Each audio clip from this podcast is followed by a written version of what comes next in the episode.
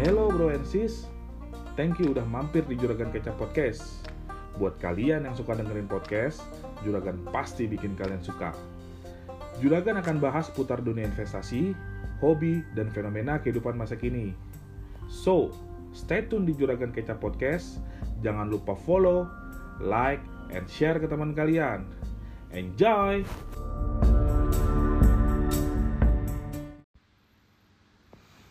Halo guys, welcome back with me. Udah lama kita nggak bikin podcast. Balik lagi bareng gua Juragan Kecap. Kita akan hari ini chit chat lagi ngebahas hal-hal yang lagi jadi keresahan di dalam kepala gua yang harus gua keluarin. eh mungkin langsung aja keresahan apa. Jadi gua hari ini tuh pengen banget ngebahas tentang hal-hal aneh yang ada di Indonesia yang ada di sekitar kita, sekitar kita sosial masyarakat. Gue akan mulai dengan uh, mungkin tentang vaksin. Seru ya. Udah lama nih kita nggak bahas tentang COVID, tapi kali ini gue mau bahas tentang vaksin. Ya ini mungkin jadi keresahan gue karena baru aja gue coba cari tiket dan baca uh, salah satu peraturan yang ada dan baru keluar per Agustus 2022 ini mengenai vaksinasi untuk uh, penerbangan ya. Jadi gue mau ada rencana uh, pergi ke suatu tempat dan mau booking tiket dan ternyata kebetulan uh, istri gue vaksinnya tuh baru dua kali karena memang uh, dalam kondisi tertentu. Tapi yang jadi keresahan gue itu adalah ketika gue baca peraturannya teman-teman ketika gue baca peraturannya ternyata ada klausul-klausul yang menurut gue aneh. Kenapa aneh? Jadi ada klausul ya semoga gue nggak salah ya tolong dimaafkan kalau salah. Tapi klausul yang gue baca adalah uh, anak usia kalau nggak salah 6 tahun atau uh, 6 berapa? 6 sampai 17 tahun itu cukup divaksin dua kali ya. Cukup divaksin dua kali itu sudah boleh terbang lalu di bawah 6 tahun itu nggak perlu vaksin. Lalu eh, orang tua orang dewasa orang dewasa itu harus tiga kali vaksin. Vaksin booster. Ini hal pertama yang mau gue coba apa ya pertanyakan mungkin. Pertama apakah anak usia 6 tahun ke bawah itu lebih kuat daya tubuhnya daripada orang dewasa yang sehat itu pertanyaan pertama. Pertanyaan kedua, apakah anak usia 6 sampai berapa belas tahun itu juga lebih kuat sehingga dia cuma perlu dua kali vaksin sebelum naik pesawat dibandingkan orang dewasa? Dan kalau itu benar berarti kita bisa simpulkan semakin muda usianya maka bisa dibilang ya kalau keadaannya sehat dia semakin kuat semakin bagus daya tahan tubuhnya. Apakah iya seperti itu? Terus kemudian gue baca lagi klausul yang lain di bawahnya. Ternyata ada peraturan buat WNA teman-teman. Ketika gue baca peraturan buat WNA, ternyata klausalnya bunyinya begini. WNA yang bepergian atau berterbangan di wilayah Indonesia atau domestik Indonesia itu minimal harus memiliki dua kali vaksin. Dua kali vaksin. Tidak ada peraturan terperinci mengenai usia. Tidak ada peraturan terperinci mengenai kondisi penyakit khusus. Tapi intinya dua kali vaksin teman-teman. Pertanyaan gua, apakah orang luar negeri antibodinya lebih bagus daripada antibodi orang dewasa di Indonesia? Sungguh Indonesia ini peraturannya sangat sangat sangat meresahkan. Meresahkan buat gue nggak tahu buat lo pada ya. Tapi ya aneh gitu kenapa kok ribet banget? Kalau seandainya memang booster itu harus kalau memang seandainya booster itu harus ya kenapa nggak apa ya istilahnya dibikin kayak pemilu gitu paling nggak ya kan? Digencar-gencarkan vaksin apa segala macam. Tapi gue rasa apa ya covid ini udah berlalu lah. Kita udah bersahabat sama sama covid. Dan gue rasa hari gini kalau harus dipaksakan banget ke ke harus tiga kali vaksin ya dua kali vaksin itu juga sebenarnya menurut gue udah cukup ya. Seleksi alam sudah terjadi menurut gue dan korban covid yang nggak tahu ya kalau datanya benar di Indonesia kan udah nggak ada lagi udah nggak semeresahkan tahun 2020 lah 2021 kan udah nggak semeresahkan itu. Kenapa masih sebegini ribetnya? Kita mau pergi ada urusan ya either itu bisnis traveling ataupun apa pun itu. Ribet banget mau terbang aja. Ya kan? Dan gue rasa udah cukup lah ya bisnis jualan yang itu tuh tes tes itu ya kan? Kenapa gue bilang udah cukup bisnis tuh ya coba aja lihat teman-teman sekarang. Bayangin sekarang tes swab aja itu harganya berapa? Dulu waktu awal-awal berapa? Gua nih di kasus gua dulu waktu gua kena covid positif pertama kali di covid yang pertama dinyatakan positif itu gua PCR 1, berapa ya? 3 juta kalau nggak 1,3 juta sampai 1,5 juta untuk PCR ya di rumah sakit umum. Terus mungkin ada ada SJW yang bilang ya kenapa lu PCR-nya di rumah sakit umum nggak di rumah sakit pemerintah? Ya hello rumah sakit pemerintah lu coba lihat kayak bagaimana waktu itu. Kita mau keluar rumah aja takut. Terus lu, lu mau tes tes ke rumah sakit pemerintah yang ramenya puskesmas yang ramenya nggak karu-karuan dan sebenarnya gue sempet juga sekali tes di puskesmas. Dan astaga ya Tuhanku itu hidung dicoloknya udah kayak hidung kebo lu tahu nggak dicoloknya kayak bagaimana? Biar lu tahu tuh. Ya di salah satu puskesmas waktu itu gue sampai aduh beda banget rasanya dicolok di puskesmas sama di rumah sakit umum. Rumah sakit swasta. Dan di sini ya bukannya mau ngejelek-jelekin puskesmas tapi ini based on my experience. Apa yang gue alami ya bagaimana uh, cara abdi negara itu ya jangan bilang abdi negara deh ntar gue di somasi lagi. Oknum-oknum itu yang kerjanya ya begitulah. Ya mungkin mereka alasannya ya karena banyak yang dicolok ya karena capek ya karena ini A B C D segala macam. Ya iya agree. Makanya gue nggak ke sono. Makanya gue pakai yang ke swasta. Dan bayarnya ternyata mahal. Dan sekarang harganya ternyata turunnya empat kali lipat. Waduh cuannya udah ke mana-mana tuh yang bisnis ya.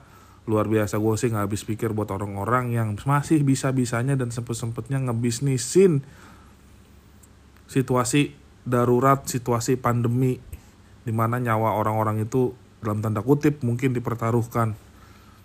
Ya ya mungkin aja juga itu yang orang-orang yang ngetes-ngetes yang yang nyolok-nyolok hidung yang mungkin nyoloknya bener sambil takut ataupun nyolok asal-asalan. Itu kan juga sebenarnya beresiko. Mereka nggak dapat apa-apa sebenarnya dari bisnis ini. Tapi itu yang jadi distributor yang punya usaha aduh cuannya ke mana-mana.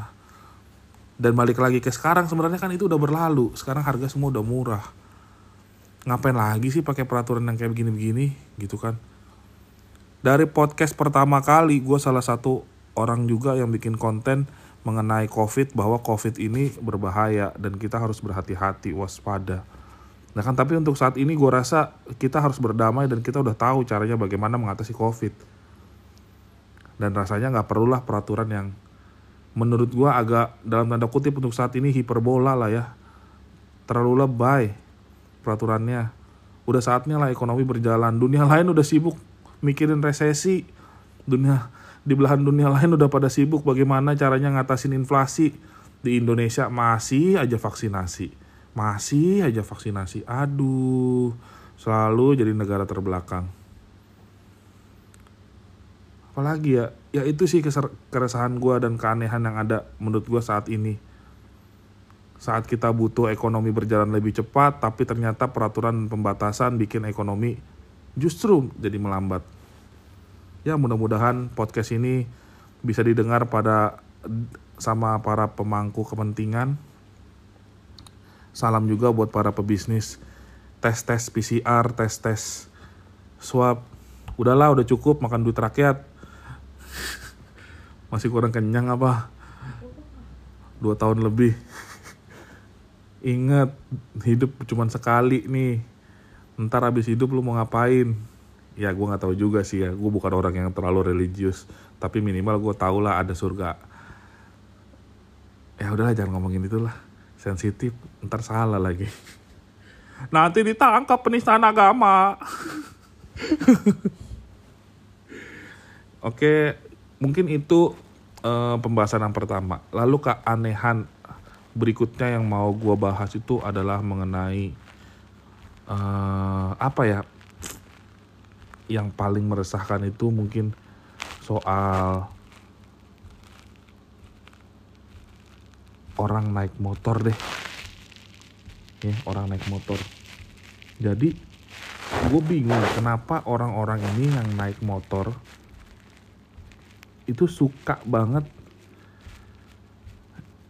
nyelip padahal kendaraan lain mungkin entah motor entah mobil di depannya itu udah pasang sen dari jauh-jauh dari jauh-jauh mau belok kiri mau belok kanan gitu kan.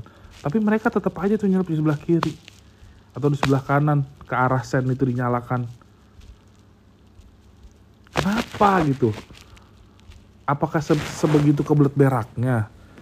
Sampai sadak seruk sadak suduk. Kenapa gue bahas ini? Karena baru aja kemarin nih kemarin banget kemarin malam gue balik kerja.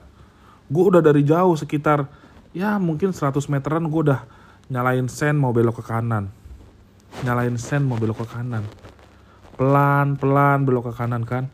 Gue udah liat spion tuh udah kosong. Tiba-tiba dong.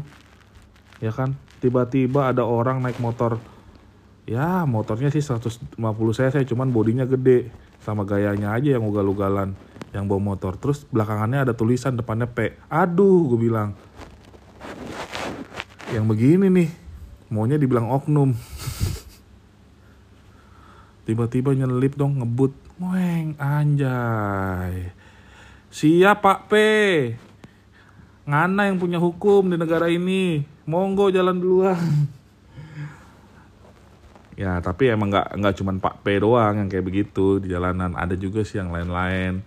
Banyak lah bocil-bocil yang suaranya kenceng jalannya pelan geber-geber nggak karuan. Tapi emang pengendara motor di Indonesia ini unik-unik ya. Bukan unik-unik ya cenderung ugal-ugalan. Ada juga yang istilahnya mau belok nggak pasang sen. Yang lebih parah pas belok udah ketabrak baru nyalain sen. Nah itu gue lihat juga tuh kurang lebih minggu lalu lah ya dua minggu lalu. Bapak-bapak mau belok ya kan? Nggak pasang sen begitu ketabrak begitu ketabrak baru nyalain sen. Terus dia marah-marah nyalain orang. Gue lihat tuh anak-anak muda salahnya si anak muda nggak pakai helm. Ya kan? Dan gue yakin juga nggak tahu tuh dia bawa surat-surat apa nggak si anak muda. Berantem dah tuh sama bapak-bapak tuh anak muda. Tapi dari hal ini gue bingung nih yang salah yang mana?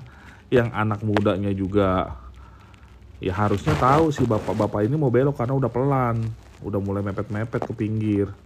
Eh dia nyelonong juga nyelip dari kiri. Begitu ketabrak si bapak baru nyarain sen. Tapi udahlah ya itu motor di jalanan kita sama-sama tahu. Paling pesen aja mbak para pengendara motor. Saling menghormati lah di jalanan jangan seredak seruduk. Ya kan? Apalagi kalau udah nyenggol orang tuh minta maaf paling enggak jangan main kabur. Itu yang kedua. Yang ketiga itu ada hal aneh lagi. Apa lagi ya? Kemarin tuh sebenarnya pas di jalan banyak banget kayaknya. Paling paling banyak memang kejadian di jalan sih.